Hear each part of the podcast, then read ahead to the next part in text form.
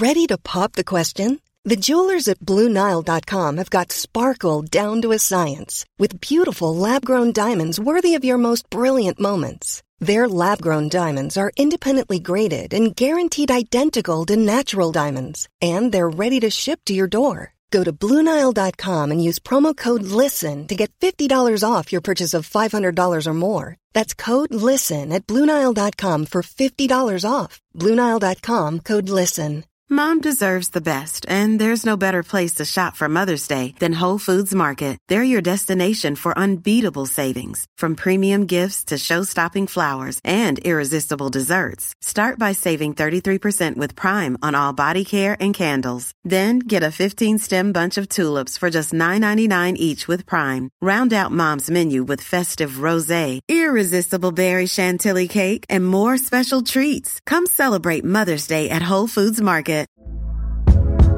Hey there, it's Michelle Norris. I'm host of a podcast called Your Mama's Kitchen. When I travel, I'm usually looking for a way to find a taste of home when I'm not at home. And one of the things I love to do when I am at home is entertain. And Airbnb allows me to do that. When I was in California recently, I rented a house that had a great kitchen. And when we were sitting around the table, we we're all thinking, we're in someone else's house. Someone could be in all of our homes as well.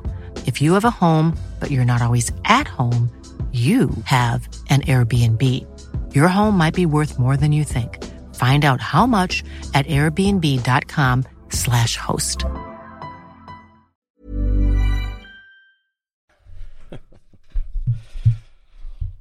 Er du klar for pod, Øystein? Kjempeklar for pod, ferdig med tur og klar for pod. Åh, endelig tilbake i det varme studio. Ja. For en tur, for ei reise jeg har vært på, i noen år. Ja. Det Må klype deg i armen, vet du. må det, vet du. Det er rart, altså. Det, det er jo en overdose, men så er det samtidig en god overdose, på en måte. Det, Ja. Det er ikke før i etterkant at du skjønner eh, Skjønner du hva du har vært med på. nei. Og det er det vi skal pløye gjennom nå. Ja, det er det. Så sett i gang. Vi kjører pod.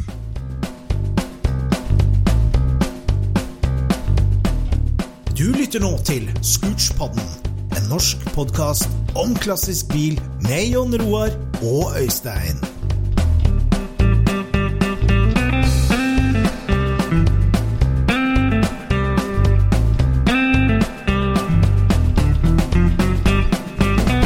Guten Abend, mein Herren, Damen und Herren.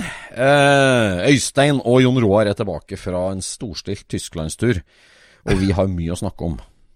Ja. Ja.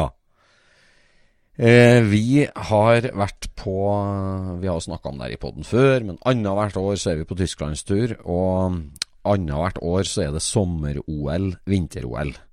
Vinter-OL er lite og spennende og hyggelig.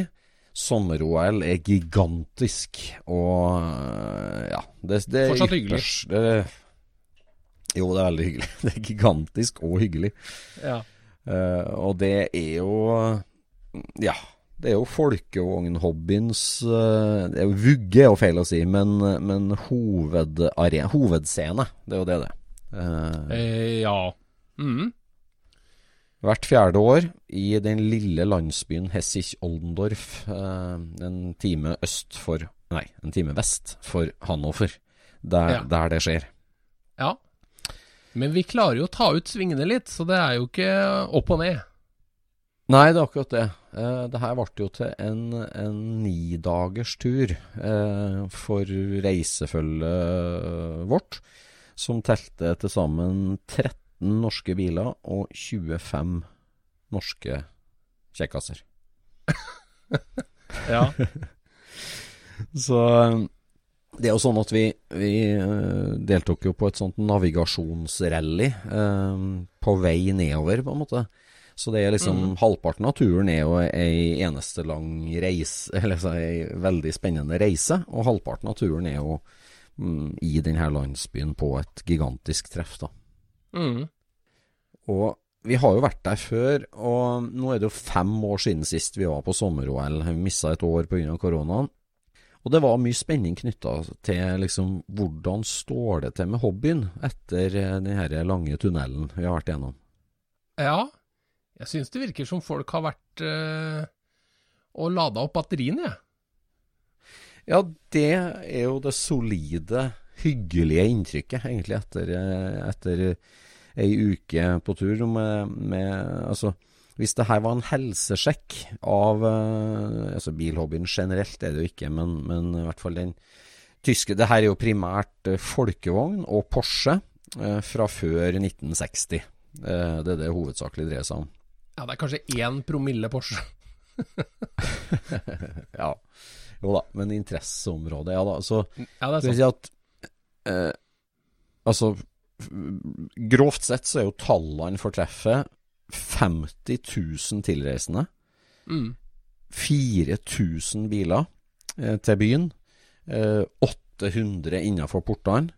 Eh, representanter fra 61 nasjoner fra verden over. Oi, blei det så mange, ja? 61, og det er utrolig mange. Altså det, det, jeg vet ikke hva det er på, på sommer-OL, hvor mange nasjoner som er representert. Men, Nei, det kan du si. Men, uh, nei, men, og, og, dette her skjer jo da i en Playmo-landsby som vanligvis har 5000 innbyggere. ja, det gjør det. Tidoble folketallet altså i tre dager. Og, og, det er det som er så kult, at liksom absolutt hele Eller absolutt hele byen er jo med på det, og ikke minst ordfører Tariq. ja. Så, og det her er jo det, det, det, altså, det, krever jo fire års planlegging, det her med, med tillatelser og tilgang på sykehusplasser, ambulanser. For det er klart at når du regner ut snittet av en befolkning på 50 000 folk over fire dager, så du skal ha noen fødsler og noen hjerteattakker og noen beinbrudd og, og noen, noen branner, noe tyveri. Altså en middels by. Eller en, en, en liten norsk by. Uh, så det er klart at det krever enorme forberedelser å få til det her. Ja. ja, men de gjør, det, de gjør det veldig bra. Det går jo veldig sånn uh, upåakta hen. Altså, du ser ja. lite til disse her etatene, bortsett fra politiet, som du så ganske ofte denne gangen. Ja. Politiet var veldig tilstedeværende, altså. Vi hadde jo fått en ny politisjef, så det var vel han eh, Han hadde vel øka intensiteten litt. Ja, det, det så sånn ut. Så det som var veldig hyggelig, er jo at liksom den helsesjekken det her var da, på denne delen av billobbyen, i hvert fall, så er liksom alle solemerker eh, tyder på en veldig god situasjon. Og det syns ja. jeg var veldig bra. Ja, det er veldig hyggelig. Det var liksom ja. Eh, det var ikke noe ripe i lakken engang. Liksom. Det var, det var Nei, bedre enn før. Altså. Ja, det var det. Det var, det var, flere biler, det var sjeldne biler, det var kvalitetsbiler. Det var mer folk, flere nasjoner, høyere priser, mer utvalg. Det var det, det, som liksom vi tenkte i 2017 at det her kan jo ikke forbigå oss, men, men det gjorde det. Og det var Og så var det flere optimister. Ja, det er sant. Ja. Det er jo det er veldig bra. Altså, en hobby krever optimister.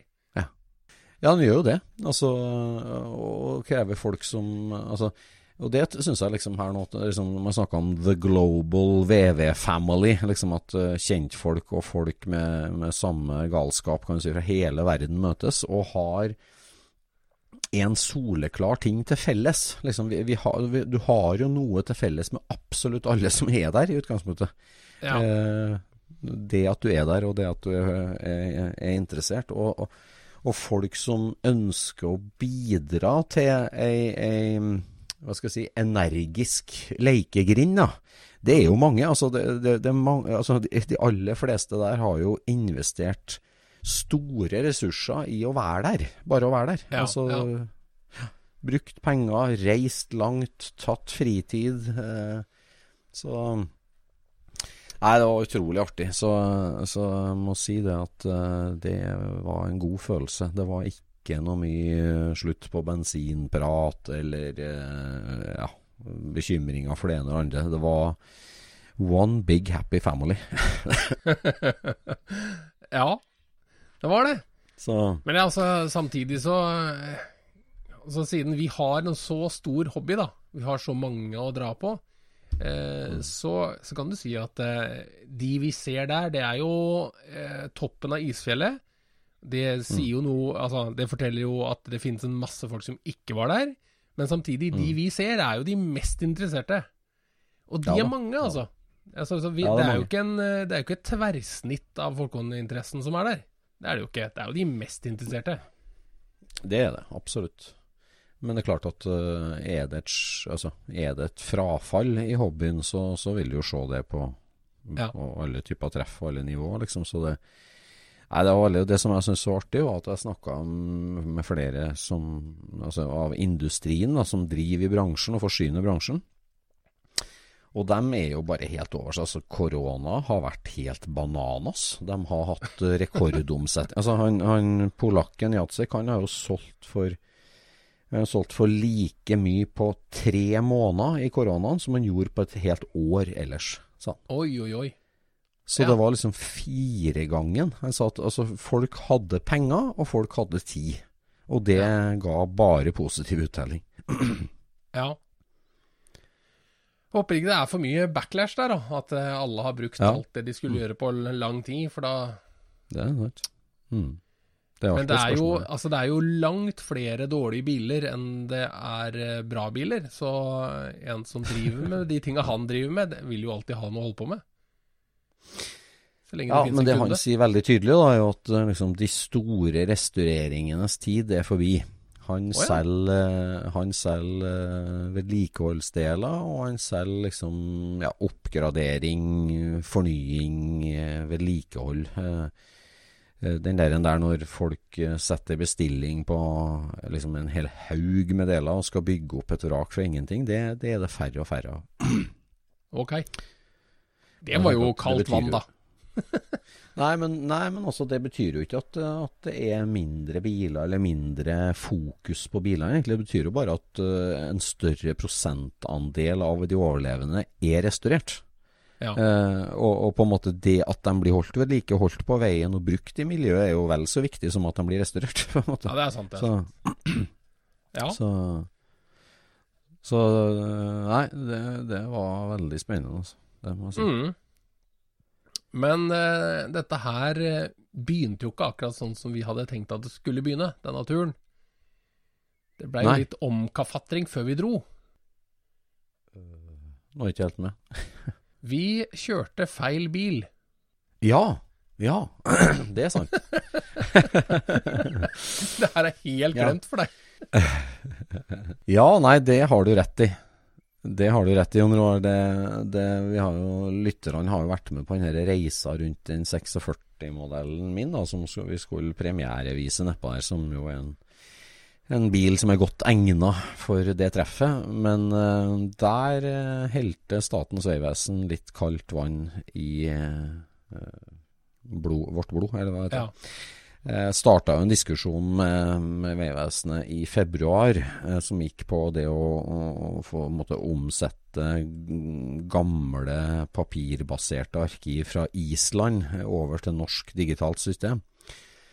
Så til tross for eh, at bilen ble teknisk godkjent med null hull, og det har vært en veldig fin dialog og lang dialog, så endte altså opp med et vedtak tre dager før vi dro, at uh, nytt vognkort kunne enda ikke utstedes. Nei. Eh, nå har jeg hatt en dialog med dem om, om veien videre. Da. Det handler jo om på en måte hva slags myndighet har Vegvesenet kontra Vegdirektoratet. Så det blir en dialog med Vegdirektoratet nå. Det her ordner seg på sikt, det er jeg helt sikker på. Ja. Men vi kom ikke helt i mål før turen, og det er klart Ingenting skulle stoppe meg fra å ta med meg den, eller debutere med den bilen. Så, så det var bare en liten sving, og så sto den på hengeren. Eh, og, og ble jo med nedover eh, på henger. Ja, for eh, man blir jo etter hvert god på å håndtere sånne nederlag. For sånne nederlag kommer jo av og til. Ja, så er det sånn, ja. ja. men skulle vi da sitte i Audien din og sitte og se på de andre kjøre gammalbil? Altså, kjøre Audi i 80 bak de andre, det er jo Det hadde jo vært et ja. Det hadde vært et skår i gleden. ja. Ja, for det hadde jo vært et dobbelt nederlag på en måte om både 46 måtte stå på henger, og i tillegg at du måtte kjøre moderne bil. For det å kjøre gammel bil, det er altså en så viktig del av opplevelsen. Ja, det er det. Det, det kan ikke understrekes nok. altså Hvis du vurderer å dra med privatbil på treff, eller eh, sånn, så det, altså, å kjøre gammel bil sammen med andre gamle biler og være på reise sammen, det er så hyggelig. Og det gir en så viktig dimensjon til turen. Ja, og spenning. At, eh, og spenning. Ja. Ikke minst spenning. Så så det var jo fire familiemedlemmer til, i reisefølget som skulle, som skulle nedover likevel, og kjøre moderne bil likevel, eh, som støtteapparat. Og da tok de med hengeren veldig snilt og flott gjort å ta med 46. Så da måtte vi velge annet luftkjørt for å kjøre luftkjørt på luftkjørttur. Ja. Og der ville vi jo egentlig helst kjøre folkevogn. Men, ja, jeg ville eh, egentlig kjøre folkevogn. men, men vi tok ikke sjansen på Det hadde jo ikke vært eh, investert like mye opplading på de bila eh, fram mot turen som på 46. Nei, det er akkurat det. Altså, 46 har vært i fokus og var jo fully sorted, for å si det sånn. Men så var vi jo på Super Scenic, og før Super Scenic så altså Hver vår så må du ta et skippertak eh, på hver bil. Batteri må lades, bensinslanger må byttes, bremser må gås over det, det, er alltid noe. Og det er den som da sto fremst i garasjen, som var mest sorted, det var jo den velkjente blutorangotangen. orangotangen. eh, den her oransje 7911. Så da ble det um, Porsche og sekser på oss, sammen med 12-11 andre uh, folkevogna. Firer. Ja. Og det funka jo kjempefint. Da ja, det gjorde jo det. var vi med på turen. Selv om den eh, gikk og tygde på tomgang sammen med de andre. Ja, men det, det, det, er jo veteran altså Det er gammelbil, og det er stemning, og det er usikkerhetsmoment, da. Ja, helt ja, frem til Der vi trodde at det var den desidert mest moderne bilen, og mest funksjonelle bilen, så begynte jo tenningsløs nå etter hvert å jukse, og endte jo opp med trillstart på halve turen, da. det, var, det var litt trist, altså. det var litt trist, altså. Det gjorde det. Jeg hadde jo med junior som kjørte egen 25-mesters folkevogn, og den gikk jo helt problemfritt altså på hele turen. Ja. og det gjorde jo stort sett de andre bilene òg. Det var litt justering på en buss, men ellers så kom vi jo veldig fint i havn. Ja. Ja, det begynte jo med, med, mekking før vi fikk reist fra gården din.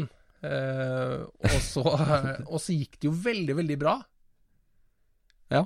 Det gjorde jo det. Så vi, vi hadde jo ikke noen incidenter annet enn uh, Ja, vi hadde jo en starter som juksa litt på en bil, men den ble jo effektivt bytta der nede når vi kom ned på markedet. Ja, ja. Så da blei den fullgod. Altså, biler er så utrolig funksjonelle når alt virker. Ja, og så er det så mye daukjøtt når de ikke går. Ja, ja. så, så Nei, vi hadde jo en av turdeltakerne som ankom vorspielet her da kvelden før avreise med Color Line, for det er jo det som er opplegget, at vi tar Color Line fra Oslo til Kiel. Og kvelden før så kom han da fra Trondheim på to hjul og to sylindere. Og det var ikke en motorsykkel. Eh, nei. Han hadde vel ca. halvparten igjen av, uh, av mønsteret på fordekka, i hvert fall. Ja, der var korden godt ut i dagen, for å si det sånn. Uh, så der var det spissingsjustering først, og så var det forgasser, innsugs, uh, tenningsjustering. Ja. Men så var jo den klar. Ja, da var vi klar for tur. Der har du en utrolig evne altså, til å liksom aldri gi deg på mekking. Det er så mange som ville kasta inn håndkleet når du feilsøker, feilsøker, feilsøker. feilsøker. Ja. Og ja, aldri kommer til målet. Men du står i det, altså. Det skal du ha. Ja, men altså, dette her var jo ikke så veldig avansert motor, så det er liksom Hvorfor, hvorfor skal han ikke gå?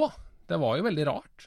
Ja, ja. Han var ja, ja. Eh, min, min, eh, min, trofaste IR-temp sa jo at eh, to av sylinderne var 100 grader lavere enn den andre. Da vet vi at her er det jo noe muffins. Ja. og det var gnist. Og det var bare én forgasser på denne motoren, så det måtte jo omtrent sitte ei fille i det innsuget for at den skulle kunne oppføre seg sånn. ja. Ja. Men da var det heldigvis falsk luft. Så ja, ja. når vi til slutt fant den ved å demontere innsuget, så Ja, da fyra han på alle, og plutselig så responderte gasseren på justeringen òg. Da blei det jo reint trivelig. Ja, ja. det ble jo det. Har noen artige bilder der fra mekkinga i ett-to-tida på natta kvelden før båten går. Der vi er fem-seks uh, Vegvesenarbeidere som sitter og ser på. Én uh, svett mann fra Sandefjord som skrur. Så det var veldig bra. Det er deilig å skru med tilskuere. ja, ja. Og, og vodkaflaska og jubelen står i taket når han da fyrer og går rent på fire. ja, men det er alltid deilig Så... å få de tinga her gjort mens man er på trygg grunn, og ikke på autobahn, liksom. Ja, ja guri malla.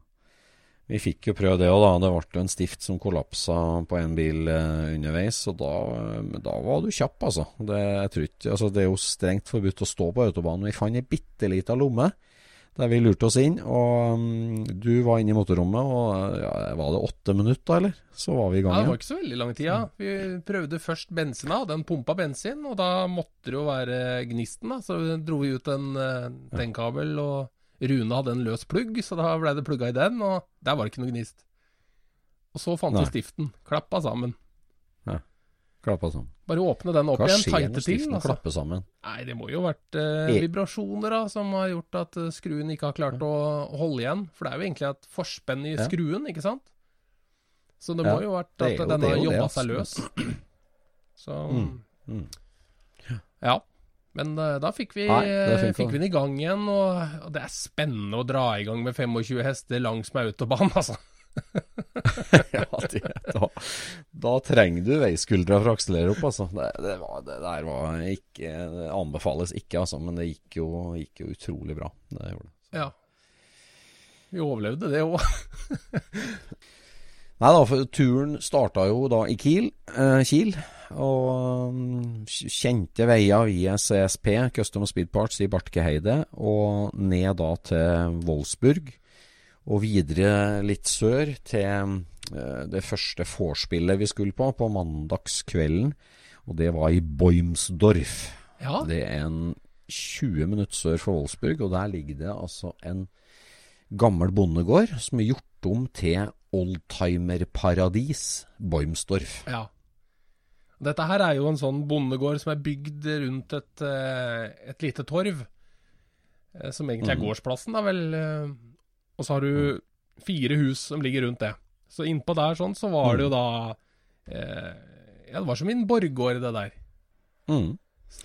Ja, det finnes jo sånne, det er en slags byggeskikk i Tyskland det at du hadde bondegårdene som lå eh, på en måte inni landsbyen. Mm. Eh, det har vi jo sett flere ganger, at du, at du bygger låve, gjestehus, stall og hus i en firkant. Mm.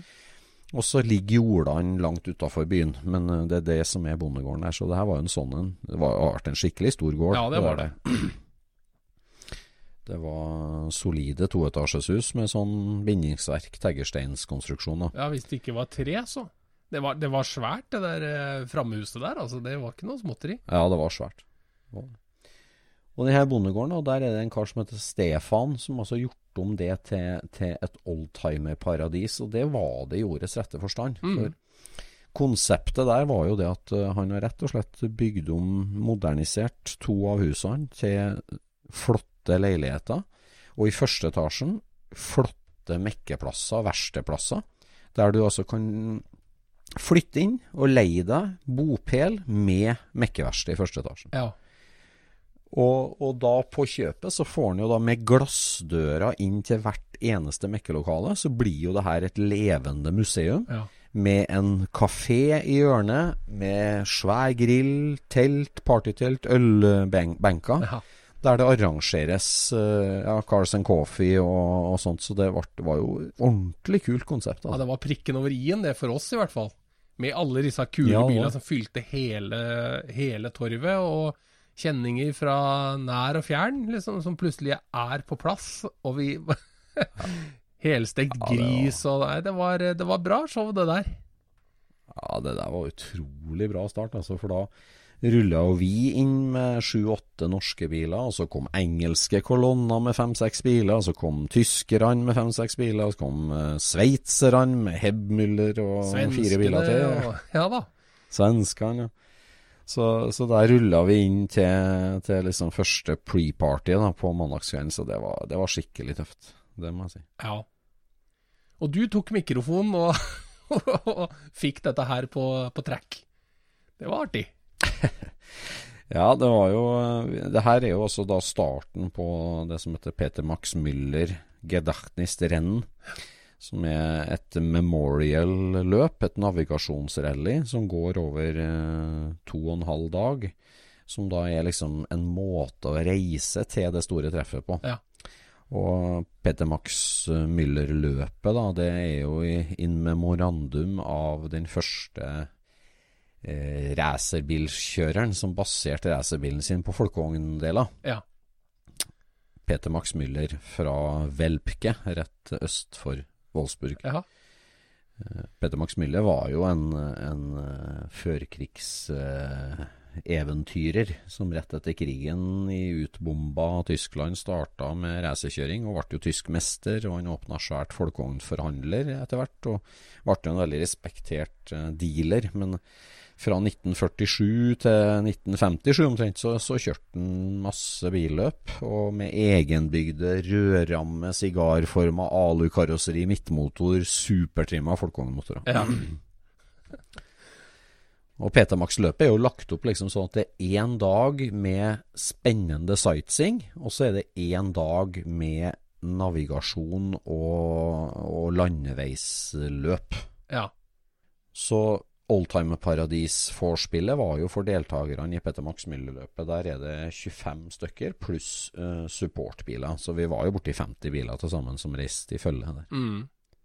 Så på tirsdagen, da, eller ja, tirsdagen dagen etterpå, så var det første dag, og da var det, da var det sightseeing i Wolfsburg-området. Og Der hadde vi jo lagt opp til gjennom gode kontakter, masse spennende historiske stops. Og tanken var jo da at vi skulle besøke alt som du ikke kan se til vanlig. ja.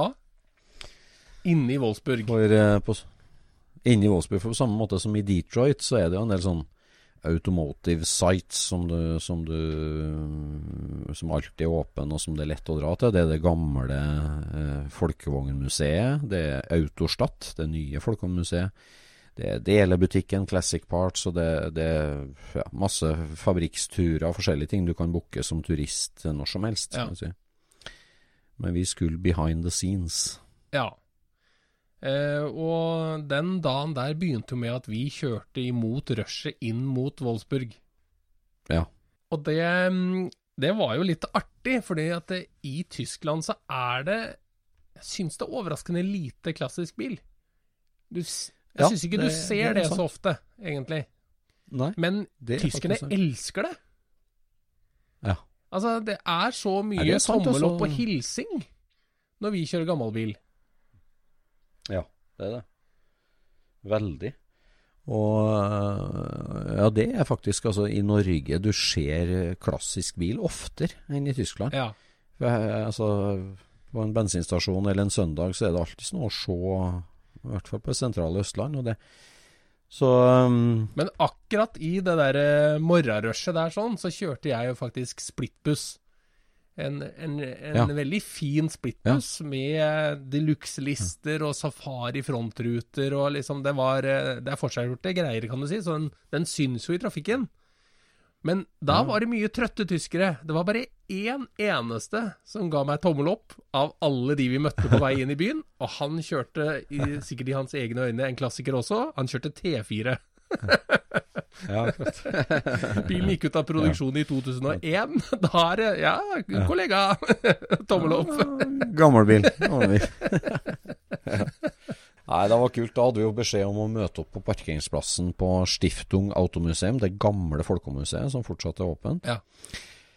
Og der ble vi møtt av vår gode venn og lokale guide Bjørn Skjeve, som jo jobber for Classic Parts i Wolfsburg, og er jo en, eh, en folkevognentusiast med blått blod, nærmest, som er veldig godt kjent. Ja, det er en levende legende. Han er det. Og han guida oss med noter. Første høyre, andre venstre, tredje rett fram, skal vi si. Og vi endte opp med en helt anonym, svær, brunt industribygg bak høye gjerder Ja. eh, i det sentrale sørlige Wolfsburg. Og inni der så ble vi godt tatt imot av sjefen, sjefen for samlinga, og det her var altså Reserve Collection for Volkswagen AG. Folkong Fabrikkens egen eh, hemmelige samling, altså, eller hemmelige, den samlinga som er liksom bare ei samling, som ikke er et museum, som ikke vises frem Ja, det er der bilene står når de ikke er på utstilling i Autostadt, er det ikke det? Ja. ja. Og inni det tempererte, veldig godt bevokta industribygget, anonymt, så sto det altså 300 klassiske biler. Det er ikke bare prototyper. Eh, og sånn, det, det er bobler fra alle generasjoner, det er golfer fra alle generasjoner, mye sånt. Men det er òg ja, anerkjennelse av det at folkevogn har jo blitt et eh, konsern med veldig mange bilmerker. Ja. Altså slektskapet til Audi og én ting, men det er klart eierskapet til Bentley, til Lamborghini, til, til, til Bugatti. Mm. Eh, og, og, og, så, og, så derfor så er det jo mange Sondre òg. Gedigne Bentleyer, svære Horcha. Så det er jo altså Lamborghini Miura sto jo bare midt inni. Men det står også biler der som ikke er i, i, i VAG-familien. Det gjør det. Mm. Kord, blant annet. Liksom. Den eh, hører jo ikke hjemme der. Nei, men så sånne automotive milestones uh, har de jo, for de skal, for, de skal fortelle ikke bare sin egen historie, men også altså det som vi før har sagt bilhistorie. Ja. Men det, det som de må snakke om, på en måte mobilitet, da, det er jo det motordet til folkevogn. Altså, ja, mobilitetshistorien. Og klart Korden, da, som den første serieproduserte framhjulstrekkeren i verden, Ja. er jo en, en viktig bil. Eh, det samme er strømlinjeforma Tatraen. Det samme var jo en splitt eh, Porsche som sto der som, som en slags første Porsche sportsbil. Så, Ja. så det, det er veldig mange Men det, det var jo Det var så velorganisert. Det var åtte ansatte på det bygget Ja. som eh, tok vare på bilene, og et eget på en måte mm, verksted, småjobbverksted, små og et svært klargjøringssenter, nærmest. Ja. Hvor de, eh, hvor de eh, gjorde rein bilene før de ble frakta i lufttett lastebil bort til museumet. ja. Det er, liksom, ja. det er litt eh, opplegg. Det er litt Det er ordentlig. Det er ordentlig. Det er tysk grundighet. Så i klargjøringsboksene vi har, da, så sto det jo fire biler som skulle videre til det samme treffet som vi skulle på. Mm. Jeg tror de der poleringsrommene der er kanskje det mest opplyste rommet i Wolfsburg. Ja, de hadde jo studiolamper for å liksom virkelig se støvet på bilen. Ja. Det var, eh, nei, det var artig å se, da, hvor, hvor nøye dette her Dette her er jo Det er jo industri, business. Det, er- det her skal Ja. være ordentlig. Ja, det skal være ordentlig. Nei, det var, det var veldig artig å se. Det, vi fikk lov til å ta bilder, men vi fikk ikke lov til å dele bilder. Og, og det var imponerende, altså. Men nå ser jeg at han Shin Skinn Han har også vært der inne. Han Skinn Vantanabe Han har vært der inne, og Ja. han deler bilder. Jeg er litt Ja, spent ja, på om han har eh, sjekka Det- om han får lov. Ja. Nei, det var, det var spesielt. Jeg er enig med. Men vi hasta videre, vi. Men Hva likte du best eh, inne på museet der? Var det, var det liksom de gamle produksjonsbilene, eller var det prototypene? Eller hva, hva fenger deg mest med å gå og se på noe sånt? Eh, altså Mangfoldet var jo artig å se. Det var artig å se en sånn V16 Auto Union racermotor som sto der. Det er kult å se Miura på tett hold, selvfølgelig. Ja, ja. Men ja, en av dem jeg husker kanskje best, det er jo den derre E EA266.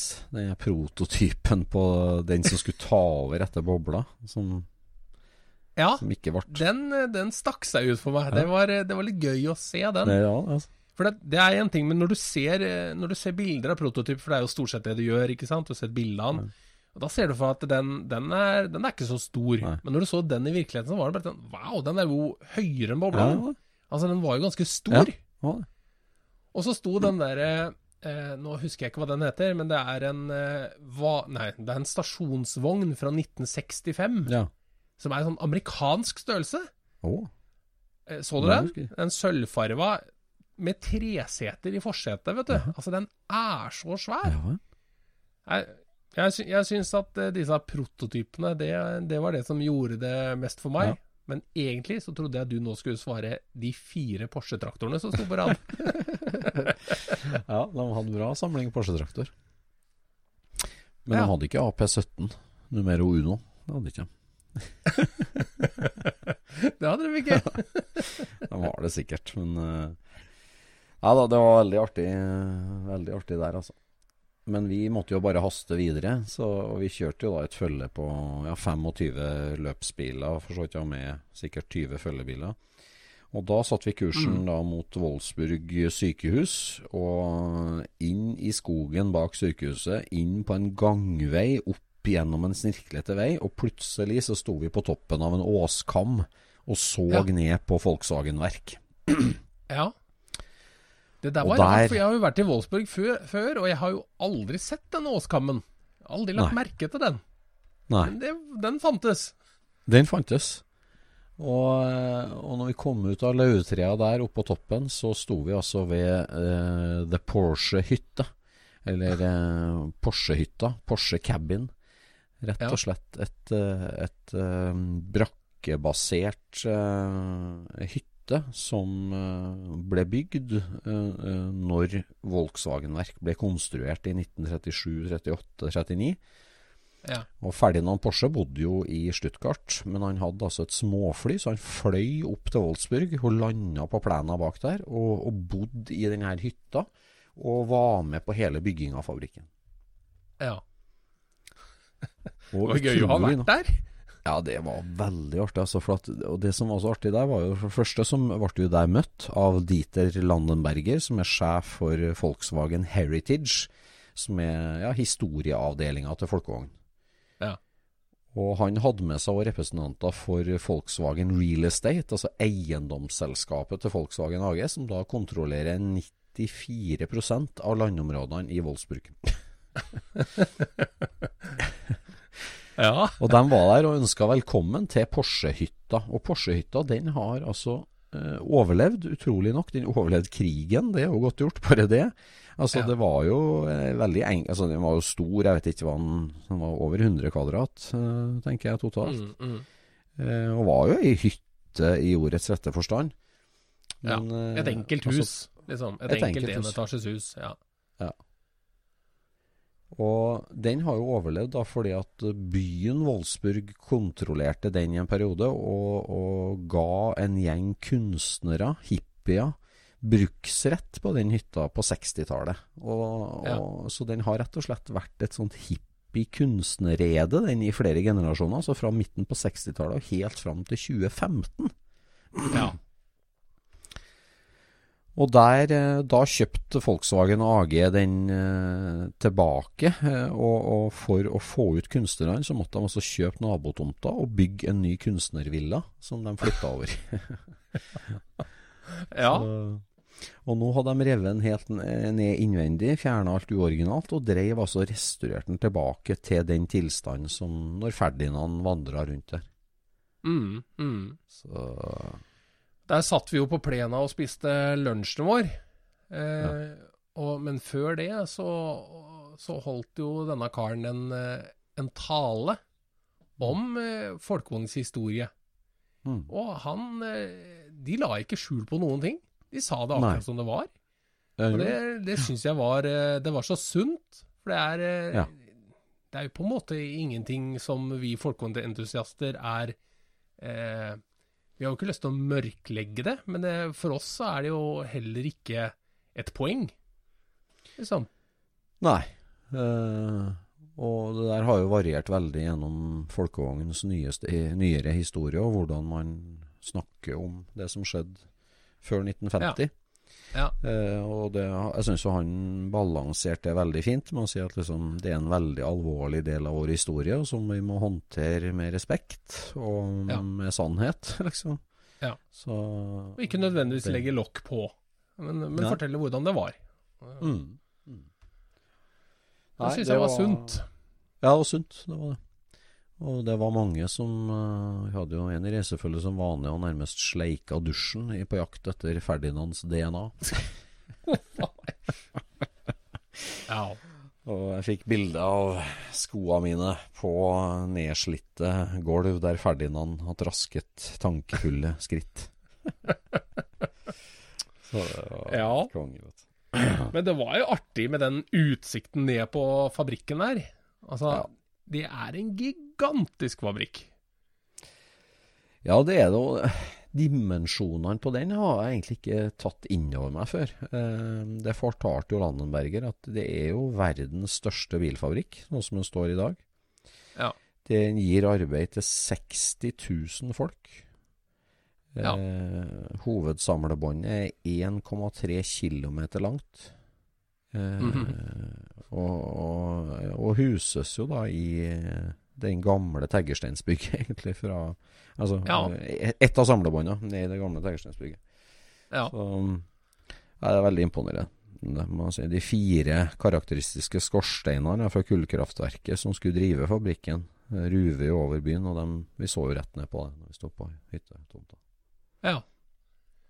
Ja, nei, det var, eh, det var gøy å ha vært der, i hvert fall. Det Ja, det var liksom eh, Det var vel ikke om Jeg tror ikke det var skilta dit engang. Nei. Ja, Nei, måtte så bare det vite var hvor jo den var. ikke Du måtte vite hvor den var. Uh, og vi hadde jo, hadde jo da forbindelse med han Landenberger som, som hjalp oss gjennom. Og de ja, åpna jo opp og slapp oss inn. Og, og de har jo ennå ikke tenkt ut hva de skal bruke den til, men nå pusses den jo opp i god Ja. uh, stil. Og blir helt sikkert gjenstand. Og det som var artig, var at vi var de aller første reisefølget som fikk audiens der. Det, det sa han jo. Ja, var vi det, ja? Ja, han sa det. Ja. At uh, vi har bare grubla og tenkt og revet ned og restaurert opp, og, og skyndte oss med å komme i mål med det ene rommet som var ferdig, da, til at vi skulle få besøk nå. Så, Ja. Og så er det jo liksom Jeg begynte jo å se på de her byggetekniske løsningene òg. Altså det, alt er jo gjennomgående tysk. altså det ja, er, gjennomgående. For dette her var jo egentlig et, eh, et bygge, en byggemetode som var utvikla for å bygge autobahn, sa han. Ja. Altså Dette her var jo hus som skulle kunne eh, klipses fra hverandre og settes opp når neste mil på autobahn skulle bygges. Mm. Så det var jo splinter i alle fire hjørnene på det huset. Både Ja, opp og ned satt det splinter hvor du kunne fri ut. Ja, Nei, det var, det var artig, å, artig å se. Veldig artig. Det var veldig artig. Og um, så hadde vi jo tenkt å besøke grunnsteinen til Volkongfabrikken, men akkurat den bunkeren som den ligger i da fortsatt, fra 1938, den var fortsatt stengt pga. korona. Så det ble ikke noe av det. Nei. Men så kjørte vi jo videre til eh, Steimkerberg, Ja. Steimkerberg som var et boligområde. Ja, det er jo på en måte gamlebyen i Wolfsburg. For Wolfsburg var jo et slott og ei elv og ingenting når, eh, når styret i Tyskland, for å kalle det bestemte at der skulle verdens største bilfabrikk bygges. Ja. Så i tillegg til å bygge kullkraftverk og bilfabrikk, så måtte man jo bygge en by. Eh, som skulle eh, altså, Både en, admin, og en administrasjon da, som skulle bygge veier og kloakk og boliger og alt mulig. Mm. Og Steimkeberg var jo den, eh, den første og, og på en måte hovedbydelen av den gamle byen. Så der var det borgermesterens kontor og byadministrasjon og, og boliger for eh, administrasjon i Volkswagen-verk. da. Mm. Så, så der var jo kjempeartig. Vi, vi dro hele kolonna inn og parkerte blant noen svære bøketrær der, eh, og, og fikk en guida tur til fots rundt om i gamlebyen der. Ja, og det er sånne hus som har eh, hage både foran og bak. Ja. Og det var visst en spesiell byggeperiode som, som eh, hus blei konstruert på den måten der sånn. Oh, ja. ja. Eh, Ligner jo på Lilletøyen og sånt nå i, i Norge, på en måte. ja. Så Nei, det det, var- var... jo veldig, veldig pent, veldig vakkert. Minna egentlig mye om amerikanske forsteder, syns jeg. Ja. Altså sånn 50-talls amerikanske forsteder. Ja, det var det.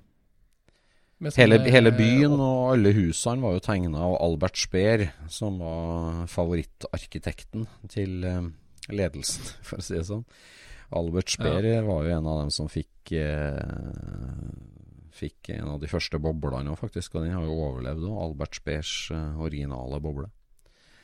Ja. Eh, Så han har tegna, så der fikk vi se et, et bykart, rett og slett, hvordan, hvor logikken var bygd opp, med noen sirkulære gater og noen sånn solstrålegater, og det var jo veldig planlagt fra start av. Mm. Et av høydepunktene der var at vi ikke fikk se boligen som major Ivan Hurst bodde i da i 45, flytta inn i 45. Så det var artig. Ja. Det var gøy. Det var et helt vanlig hus. Ja, det var et helt vanlig hus. Et uh, murhus midt inni der blant alle andre. Ja. Så der skjedde det Og de som bodde der nå, de hadde 21 vindus eh, Samba. Ja, det var jo kjempekult. Det var en ung familie som bygde, bodde der nå. Han hadde kjørt ut bussen sin han til ære for at vi skulle komme, så det var kjempetøft. Ja, det var stilig, altså. Ja. Og helt øverst i gata så bodde han Diez, han som driver folkevogn i dag. Ja, det Det var også et overraskende vanlig hus. Ja, det var det. Det var det. Det som ikke var så vanlig, var det vi gikk forbi så der Heinz Nordhoff, han som var sjef da fra 49 til 69 omtrent. Han, eh, det Ja, var et Han har tatt i litt mer. Han har tatt i litt mer. Det var et ryddig hus. så Steinker Berg, ja.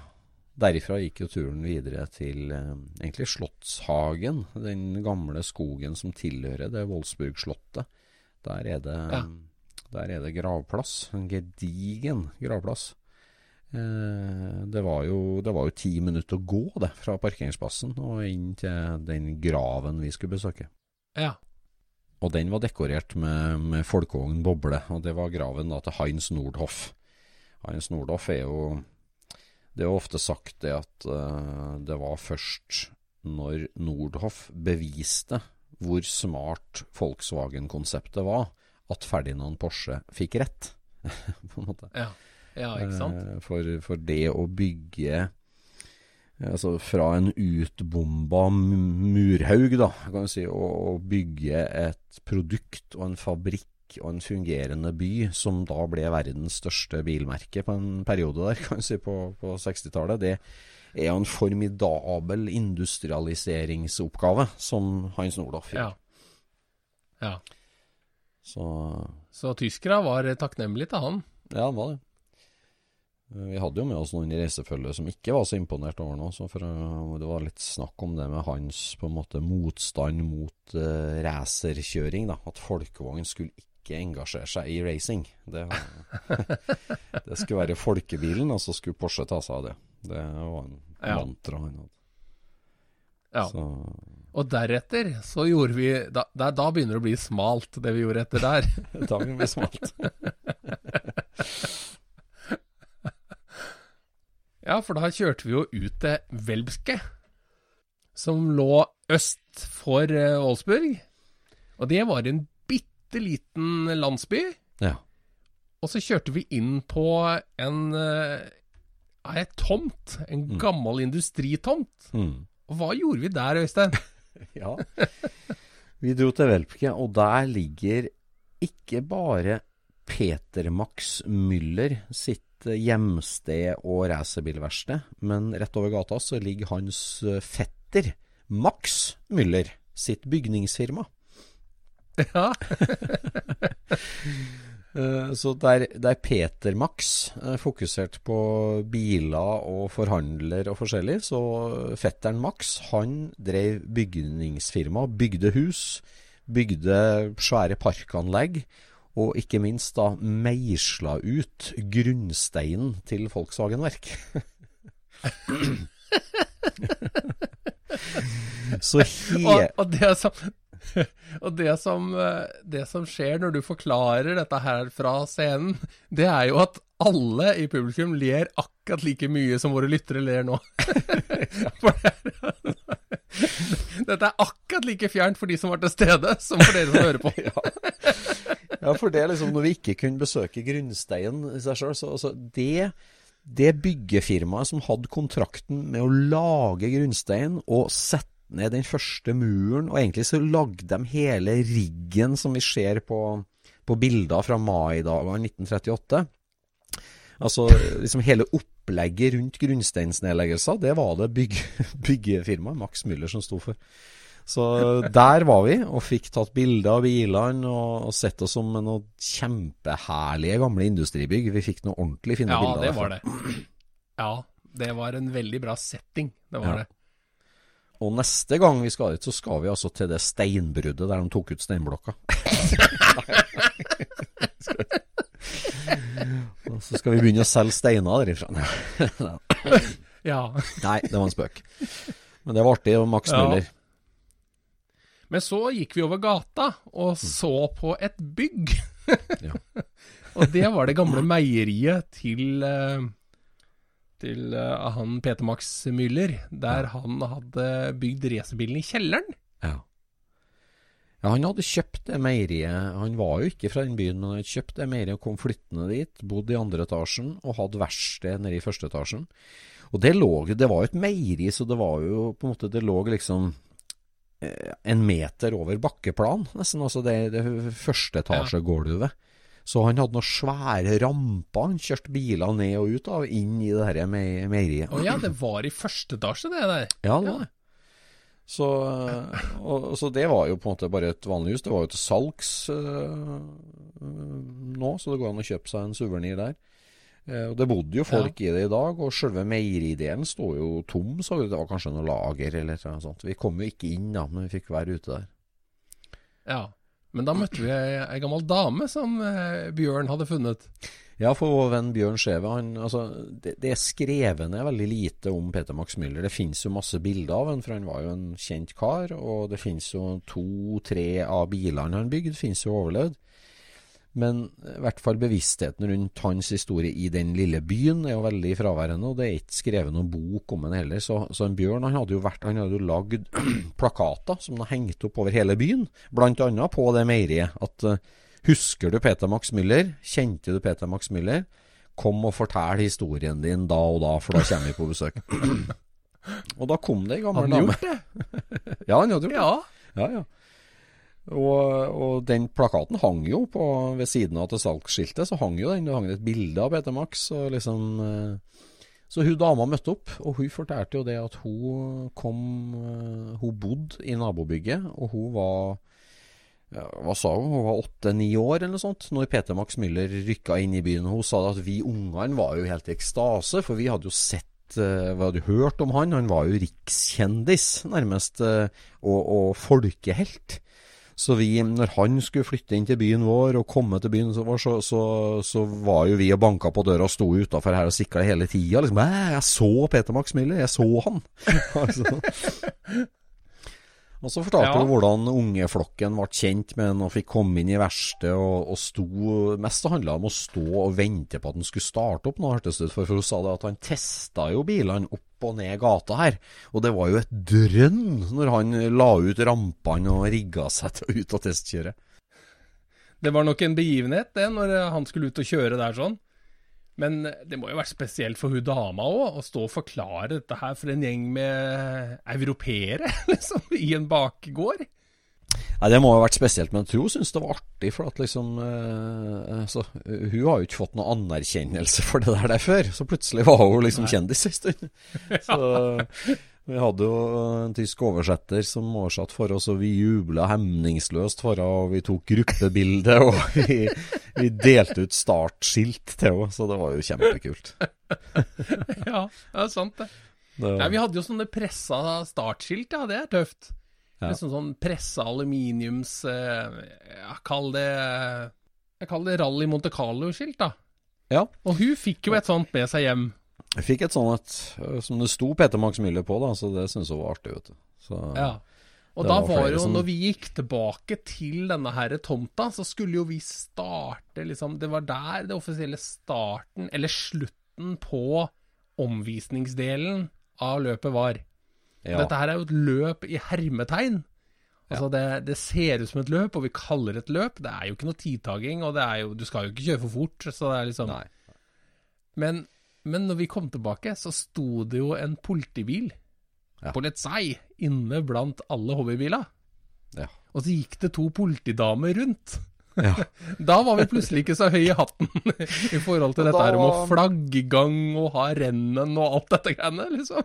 Ja, det, vi hadde jo hørt så mye om det der at hvis du kjører rundt med en sånn løpsskilt i Tyskland, så er det 65 euro i bot, på en måte. Og det var jo så mye regler på som vi var jo Så vi kom jo der munter og glad, men da ble det brått stille ja, når, vi, når politiet sto der. Men det snudde seg jo fort. da, De var jo bare nysgjerrig og bare positiv og lo og tulla. Og de fikk startskilt òg, metallskilt som de satt på politibilen. og, og kjørte ut i gata. Arne og Roxette må ha en uh, skryt for hvordan han håndterte dette. her. sånn. Han var jo plutselig kompis med disse her to, han. Ja. Han var borte og var blid, han, og, og ble liksom håndjern ibelagt, og liksom arrestert. Han dro i gang den sketsjen. Ja Så det funka jo helt Nei, opp. så, det, så vi drista oss jo til å spørre om de ville starte oss. Ja. men, men de sa at det er mye bedre at vi bare sperrer hovedveien, så dere kan bare starte her oppe og bare kjøre rett ut på veien. Ja. Og det gjorde de med blålys og alt. Som sagt, så gjort, ja. Så det gikk veldig fint. Nei, det var helt, det var helt rått. Så da flagga vi av gårde alle ekvipasjene, og da gikk jo turen videre til eh, Fallersleben Alte Brauhaus. En litt sånn legendarisk restaurant, øltapperi, som ligger midt i en park i Wolfsburg det. Ja. Og da kjørte vi bare rett inn i parken og parkerte. Ja, Det blei jo fine bilder av det. Veldig fine bilder. Og nydelig mat og nydelig øl for eh, Ja. dem som var kartlesere. Ja. Og jeg parkerte jo eh, Porscha i, i en eh, Jeg fant en liten bakke å parkere den i, for da Ja. hadde jo tenningslåsen gitt seg. Ja. Men da kom det jo forbi en eh, tysker som eh, hørte at jeg var eh, Eller som spurte om jeg var norsk. Og, Ja. og han hadde jo faktisk hatt en eh, En tidlig Porsche, han som han hadde arva etter faren sin. Oi. Men dessverre så hadde han jo akkurat solgt den året før.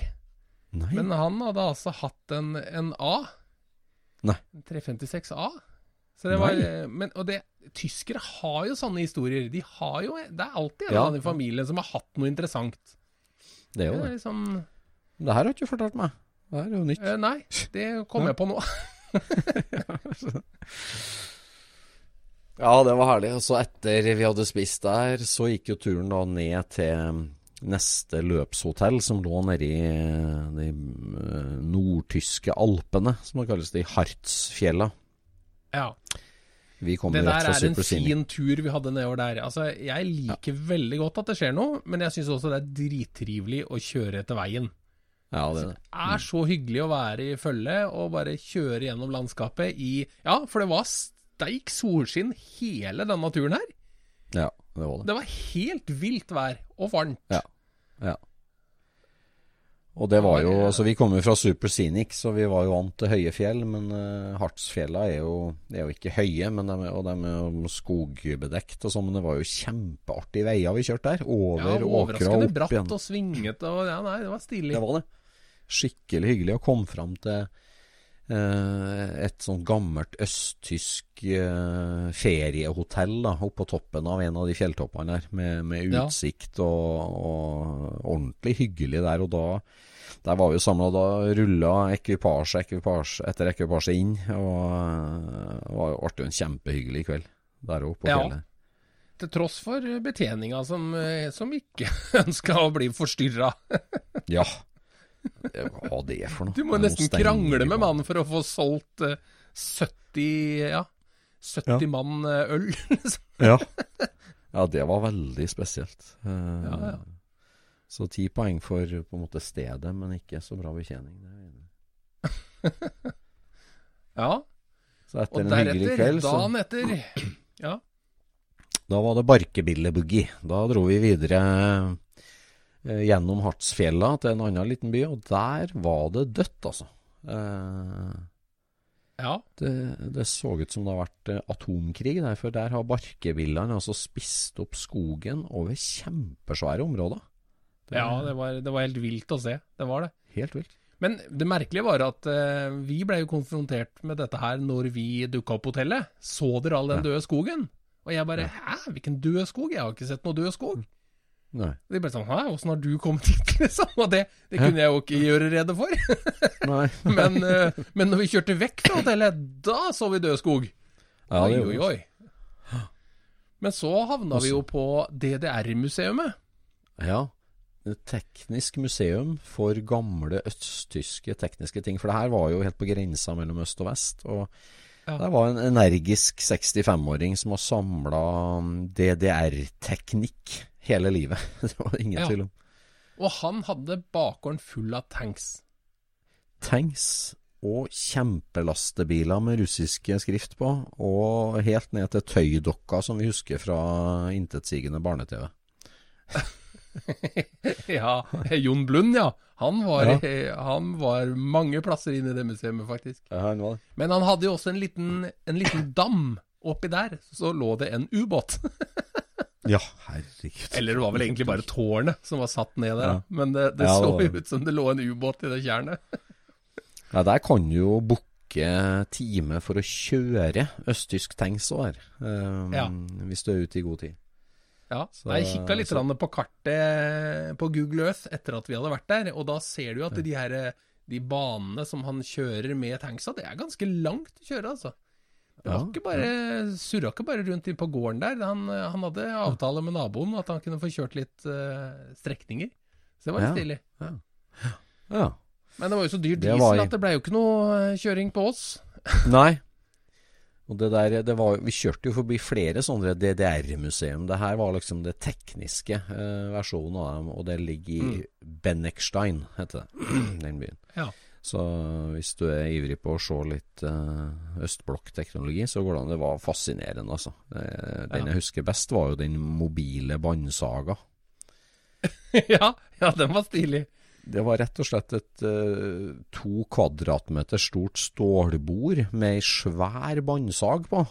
eh, Som han fant ut at den her gjør jeg mobil, og kjører rundt. Så han hadde tredd den nedpå i Opel-ramme og kjørt rundt i byen. Uh, og flytta med seg sagbord og båndsager. Ja. Dette her var jo Altså, dette her hadde jo en byggekvalitet som, eh, som gjør at du tenker på Donald Duck, liksom. Altså, Ja, det, var jo, ja. det var jo helt uh... Ja, den, den må vi dele bilde av. Den var, den den Ja, var med det bildet. Den var artig, altså. Og- Og så la vi jo vei eh, til eh, Murder Dome. Ja. Den legendariske motorsykkelbanen i Hannover. Nei, da Fra Hartsfjella og opp til Hannover så var det omtrent to timer kjøring. Da, og Der eh, hadde vi altså et veldig artig samlingspunkt som vi fikk tips om før vi planla turen, og bare fant på Google Earth, egentlig. Ja. Og det er altså en, en radrennbane, eller en Holtzbane, altså en fulldosert 333 meter lang ovalbane Ja. lagd i eh, mahogni, ja. eh, med 50 grader banking i eh, begge svingene, kan du si. ja, stemmer. Så det var jo en vegg. Eh, og det her var en bane som var bygd i 65, da fant jeg ut etter hvert. Eh, Jeg trodde jo den var mye eldre. Altså, det blei presentert en historie som var noe bedre enn virkeligheten. Før vi dro. og så blei det litt sånn uh, surfing fra passasjerstolen, og så bare Hm, det er, Ja. det er kanskje ikke helt Vi har ikke dekning for alle disse her påstandene. Ja, for det, er jo, det der er jo liksom historien om, som egentlig startet i Amerika på 10-tallet, der de bygde tre velodromer for å kjøre motorsykkelracing, og som endte opp da med kallenavnet Murderdrome. Ja. Fordi at det tok livet av så mange, men så ble jo det her raffinert og raffinert, og det kom til Europa, og de bygde flere baner i Europa, og det var jo hovedsakelig trøsykler som konkurrerte der.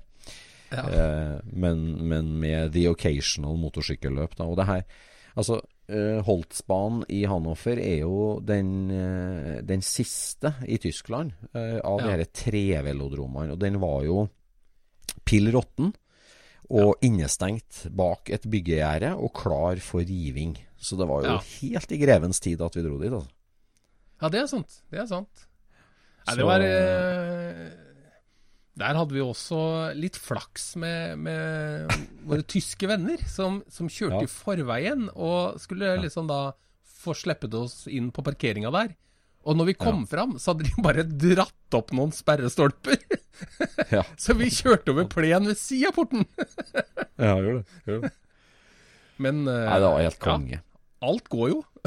Ja, ja. Nei, det der var sånn akkurat passe sånn outlaw-stemning, syns jeg. Med at liksom vi, vi, tok oss litt til rette, og vi kom oss inn bak eh, stengselet. Ja, og så var vi jo helt aleine. Det føltes som ei lomme i virkeligheten, det greiene der. Det var jo Ja, ingen som så oss på noen kant. Altså, vi var, vi var helt uh, skjult av trær i alle retninger, og denne Holtsbanen, da.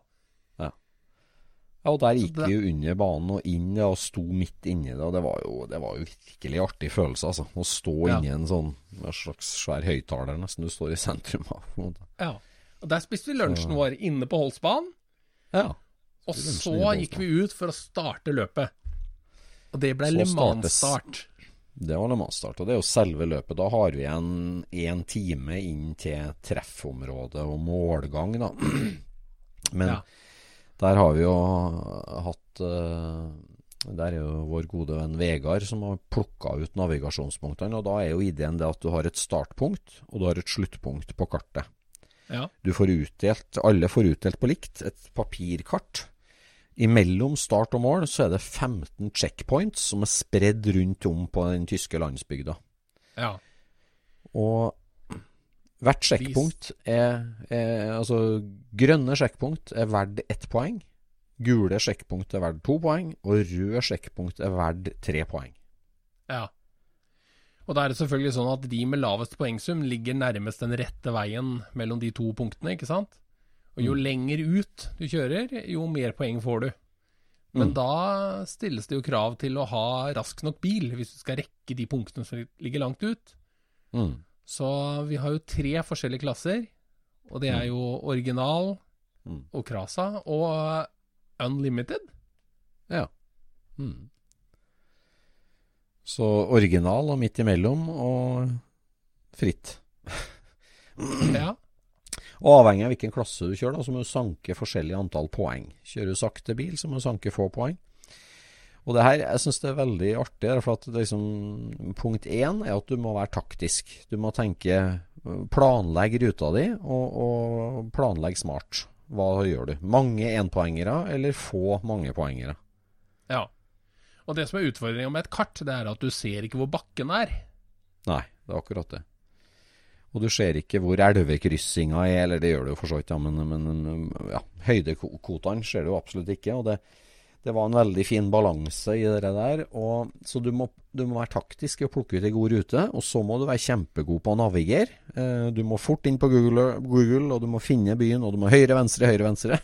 Ja. Og velge smarte veier dit.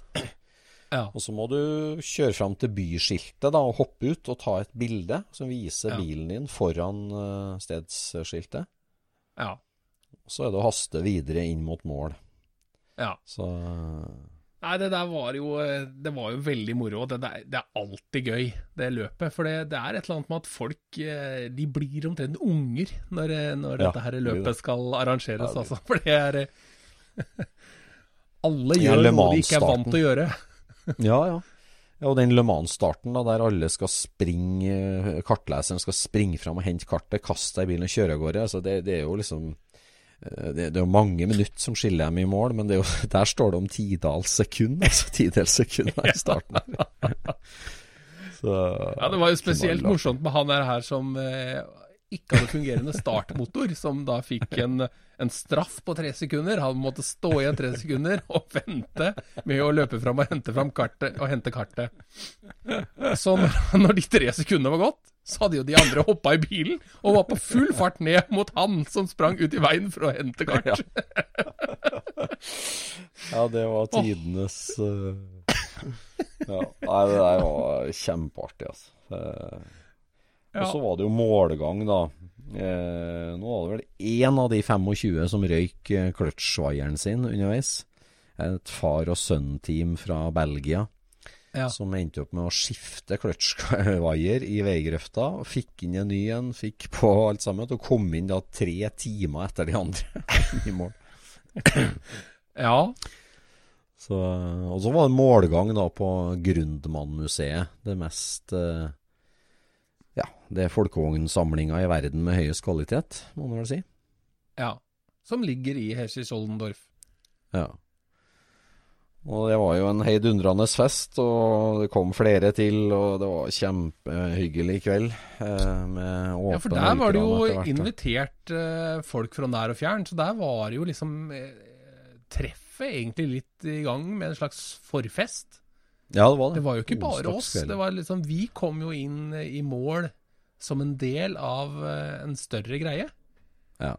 Det er veldig gøy. altså Det føles Ja, som hele byen står og venter på deg, liksom. Ja, det gjør det. Med svært målflagg og så stas. eh, Gamle TV-bussen fra tyske Ja, lokal-TV var på der, plass. det var, var skikkelig artig altså, å komme inn der. Og da var det bare å legge seg på hotellet og, og lade batteriene til det som ble fire dager med verdens største folkehåndtreff. Ja. Etter alt det her. Ja, etter alt det. For at det er jo liksom eh, Hvis jeg tenker tilbake på det, så er de dagene som er lettest å skille, er jo dagene før treffet. For Ja. dagene på treffet, det er jo superhyggelig, men du gjør egentlig det samme hver dag. Ja. Du, du er på swap-meet, du ser på bil, du spiser lunsj. Du er på swap-meet, du er på hotellrommet og, og legger igjen ting, og så er det tilbake igjen. Og det er, det er logistikk. Det er, det er ja. logistikk og øl. Det er det det går i. Ja, det er jo det. Nei, det var veldig hyggelig på onsdagskvelden. Og det er jo på, på museet til The Grundmann Collection. Og Christian Grundmann han var jo gjest i podden vår for et par år siden. Og, og representerer jo et far og sønn-team som har samla sammen en, ja, 250 biler. Ja. Som er jo på mange måter den mest eh, ja, komplette folkevognsamlinga i verden. Ja. Det, det er ikke, ikke den største, men det er den absolutt den mest uh, omfattende. Det er ikke noe tvil. Ja, så har han så mange highlights, liksom. Det er, ja, ja, han har det, vet det er veldig sjelden en run of the mill-bil. Ja, ja. Nei, altså det der gravitasjonsfeltet da, rundt de det her far og sønn-teamet, det er jo beskrevet av mange, kan du si. Altså det, det har en egen evne til å, til å gravitere mot den her samlinga og de hallene de har der nede i Ja. Jeg sier Kjoldenor. ja. Jeg var jo så heldig at jeg det- kom med på omvisning på, eh, på onsdag. Eh, Ja. Med Traugot, grunnmann, faren. Mm. Og, og det er jo gøy å høre han prate om det, for han, eh, han forteller historiene litt forskjellig hver gang. Altså, Det Ja, er vel ikke faktaen som, som endrer seg, men eh, han forteller forskjellige aspekter, og det liker jeg godt. Mm. Ja, enig. Nei, han er jo, han er jo, altså, han er jo veldig opptatt av historien på hver eneste bil, og han, han eh, kan mye om historien på hver eneste bil, og han er jo veldig hands on på restaurering og arbeid og alt mulig. Så det er jo Mm. Det er vel kanskje det som er rollen til de to, der Christian, sønnen, er mest jegeren. Eh, Så er faren den som restaurerer og gjennomfører. Ja. Nå har de jo med seg vår gode venn Mathias, da, som er fulltidsansatt som eh, verksmester der, Ja. i et eget lokale. Og der eh, Han har jo hjulpet meg å rette opp Rommerts tidligere, og nå hjalp han meg med bestefaren sin sitt yrke. Plutselig så gikk han over i Schumacher-jobben. Ja, gjør det. Skomaker, han. For jeg gikk, jeg gikk jo han av meg på favorittskoene her, så da måtte vi inn til Mathias og få limt og vært litt Schumacher.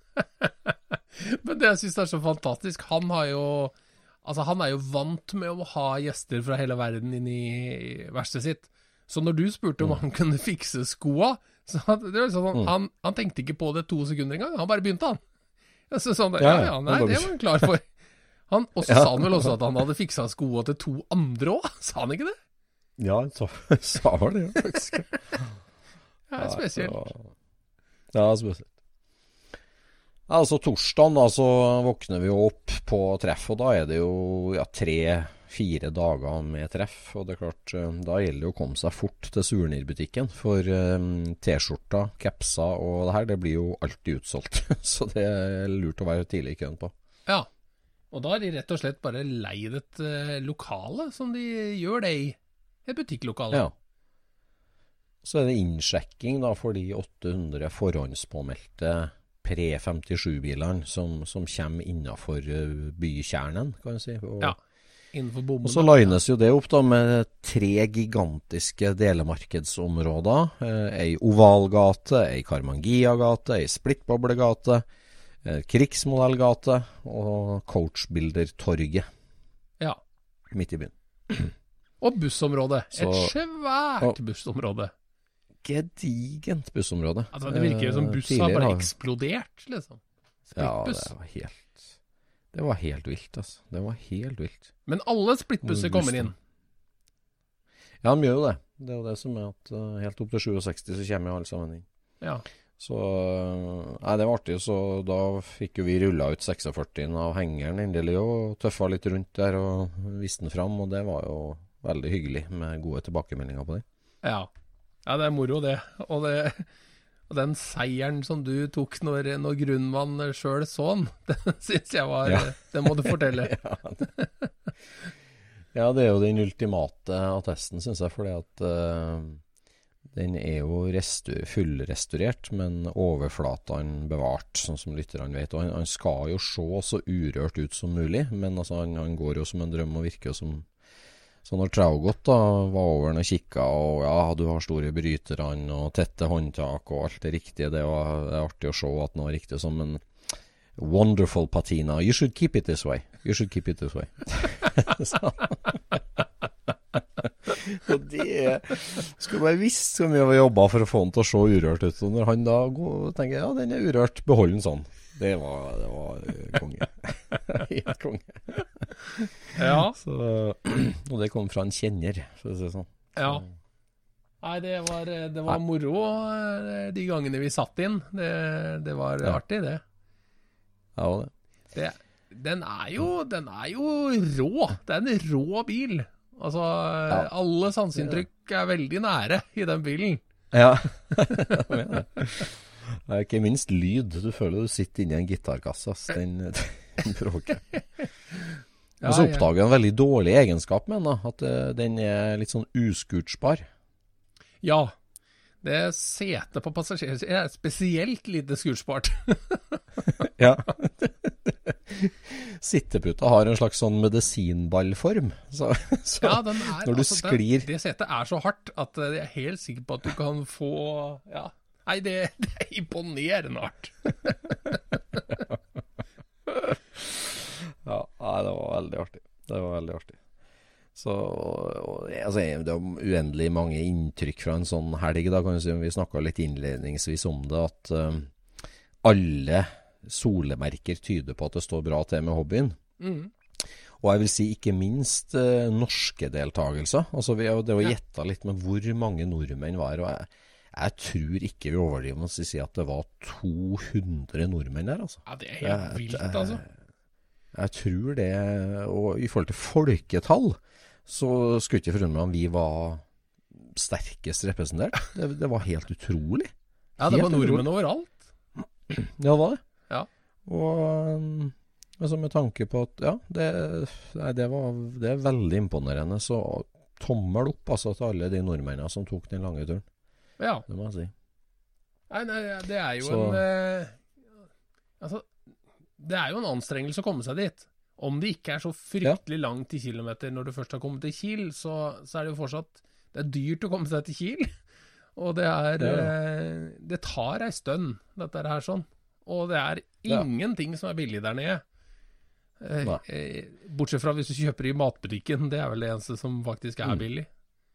Så Mm. folk bodde jo Mm. langt unna på hoteller og Ja, campingen var jo godt besøkt, da. Der hadde jo et eget norskehjørne.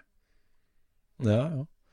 Nei, altså de, de to-tre campingplassene som altså, er jo store øh, Hva skal jeg si øh, Store åkre, egentlig, som er gjort om til camping. Det, Mm. det er jo et uh, kjempetreff i seg sjøl. Det er jo mange som aldri forlater campen nå, i hele tatt. Ja, det skjønner jeg godt, for det er, det er mye å se på der.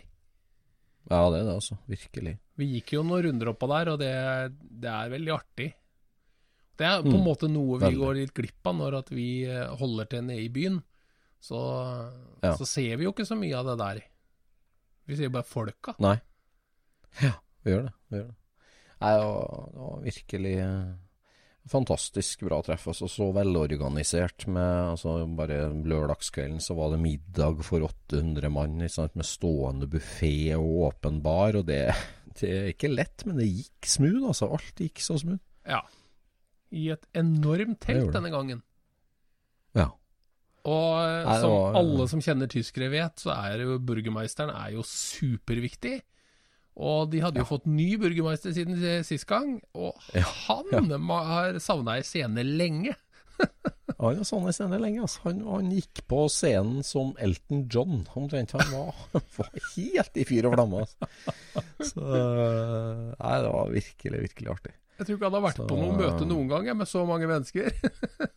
Nei, nei, nei det, var, det var skikkelig artig. Ja, altså. Så Og så ble det jo eh, Nordmennene tok jo for seg på premiebordet òg. En, eh, en nydelig blå oval fra, fra eh, Vestfold ble jo beste oval.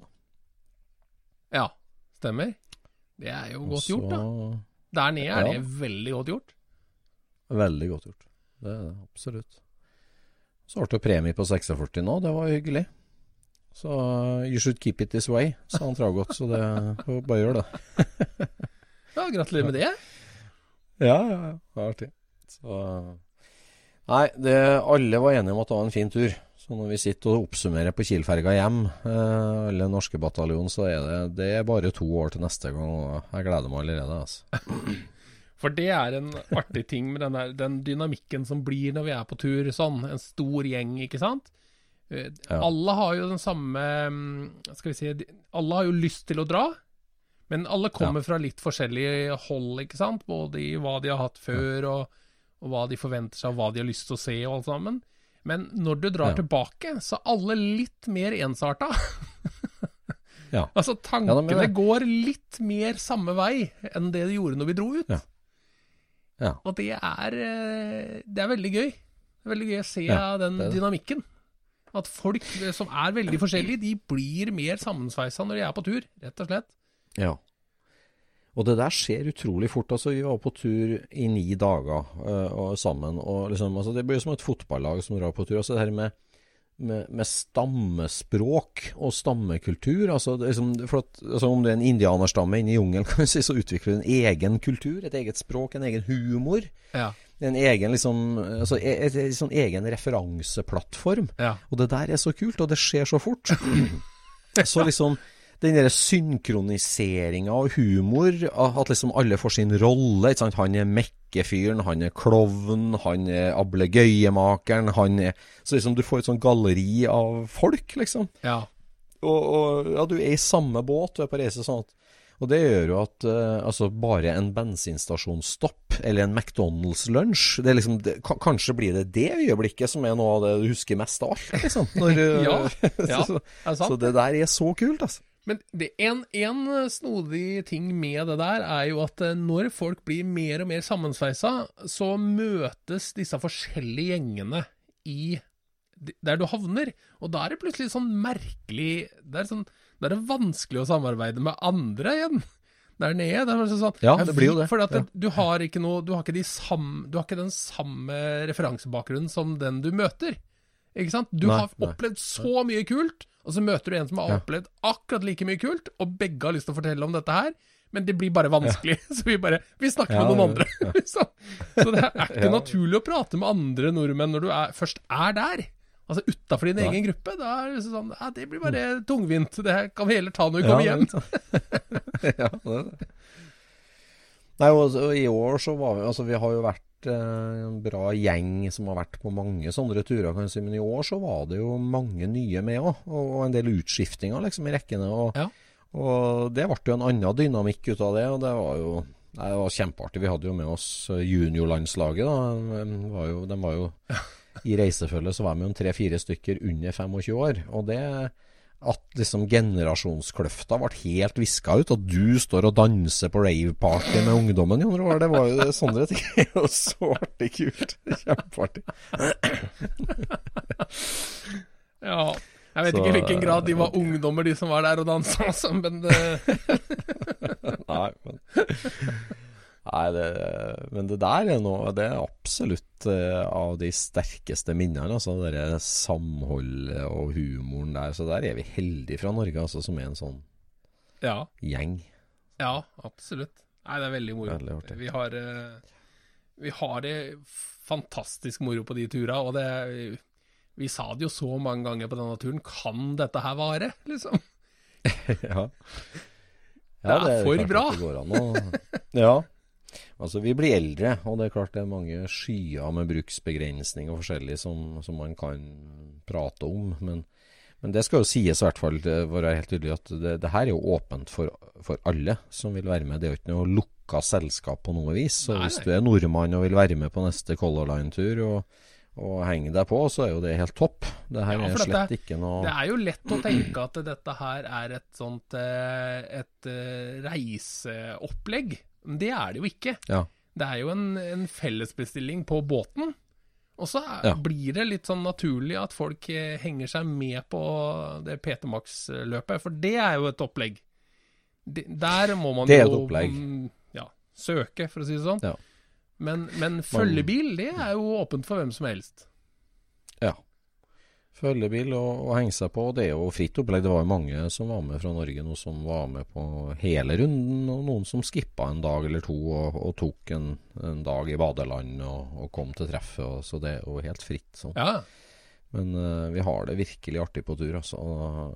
Og det, altså, det er jo ikke akkurat denne turen det handler om, eller det er jo generelt. Det så vi jo på Super Scenic òg i Norge, at det ja.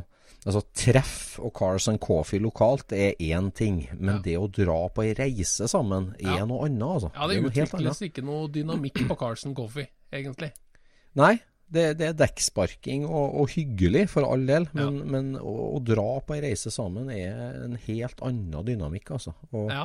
Altså Bare det å kjøre i kortesje gjennom Tyskland med tommel opp og vink og folk som kommer fra så det er jo, Du føler at du går i 17. mai-tog hver dag. vet du. ja, så det er jo det er bare den følelsen er jo artig. Ja, det er sant. Så, det er veldig, veldig hyggelig. Så det er to år til neste gang. Hva skal vi kjøre da, Jon Roar? Hva skal vi kjøre da? mm. Ja, det vet jeg ikke. Har du noe klart? Nei. Tror ikke jeg, jeg har noe klart. Jeg, i Nei, det, det, var det som var spørsmålet mitt, egentlig. da Om oh, ja. du eh, tenker at du skal ha noe klart? Nei. Ja, nei Om fire år, det kanskje? Det syns jeg virker litt ambisiøst å skulle få bilen i bekken opp og stå til da. Eh. ja. Nei da. Jeg har, jeg har, en plan, jeg. Altså. Nå må bare jobbe systematisk. Nå fikk jeg booka kalesjesalmaker i Nord-Tyskland når jeg var på tur. Så da får jeg prøve å få den dit om et års tid omtrent.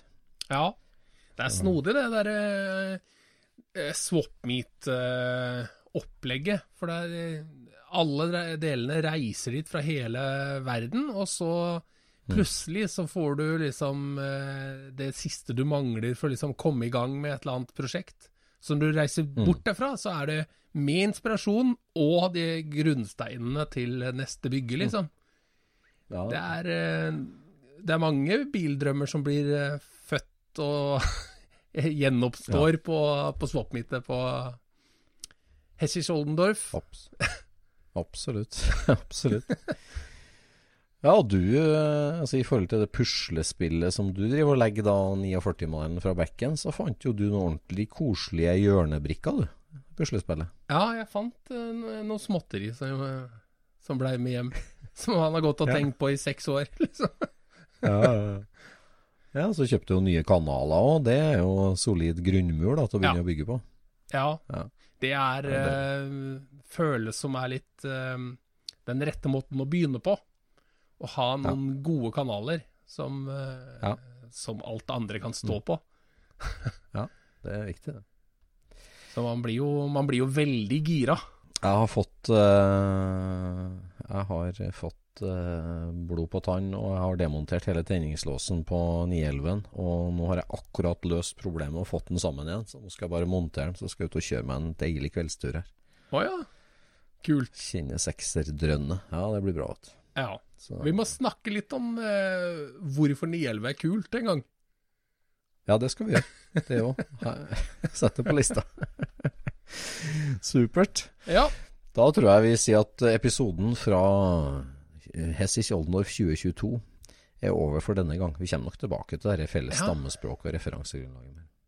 Og så kommer det en, eh, en liten spesialversjon til uh, de som er patrons.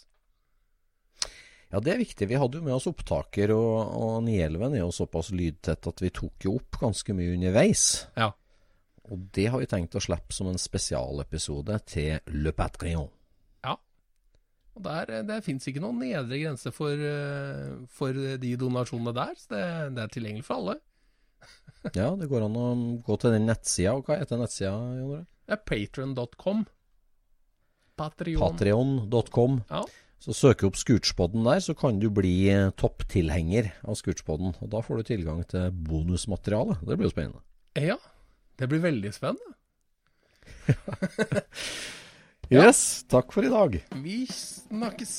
Scootchpoden produseres av SSC Media, med god hjelp av VV Norge og Trond Dahl for hosting, Knut Micaelsen for musikk.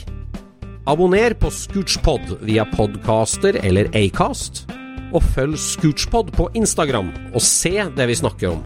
Der kan du også komme med kommentarer og innspill, og fortelle oss hva du vil høre om.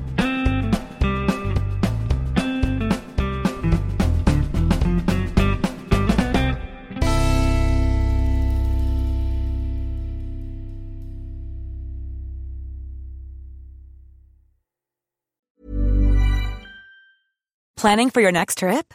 Elevate your travel style with Quince. Quince has all the jet setting essentials you'll want for your next getaway, like European linen, premium luggage options, buttery soft Italian leather bags, and so much more. And is all priced at 50 to 80% less than similar brands.